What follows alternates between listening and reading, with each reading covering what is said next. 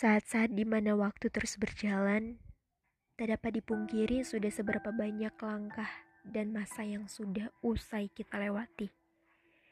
Hal ini tidak menutup kemungkinan bahwa kita akan melewati beberapa fase di dalam hidup yang juga akan kita lalui ke depannya.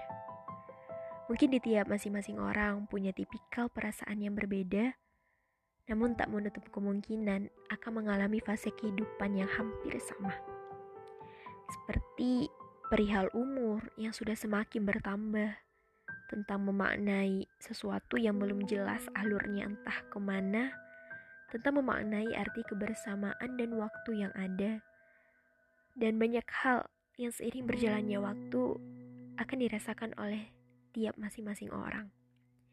Tak jarang dari masing-masing kita juga suka nggak nyangka, ternyata kita udah ada pada fase ini gitu fase di mana sudah hampir menjadi dewasa, fase di mana mesti belajar untuk bisa ini itu, untuk bisa mandiri, untuk bisa berdiri di diri sendiri, untuk bisa berpegang teguh pada diri sendiri, dan belajar untuk dapat mengerti apa itu arti dari sebuah keikhlasan dan mampu untuk memaknai kekecewaan yang mungkin akan ada di dalam kehidupan kita.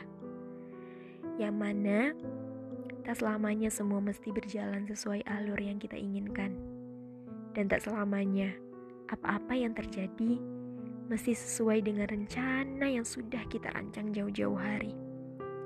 Karena terkadang kita benar-benar butuh, benar-benar butuh untuk belajar lebih banyak dan lebih dalam tentang arti sebuah pendewasaan dan keikhlasan.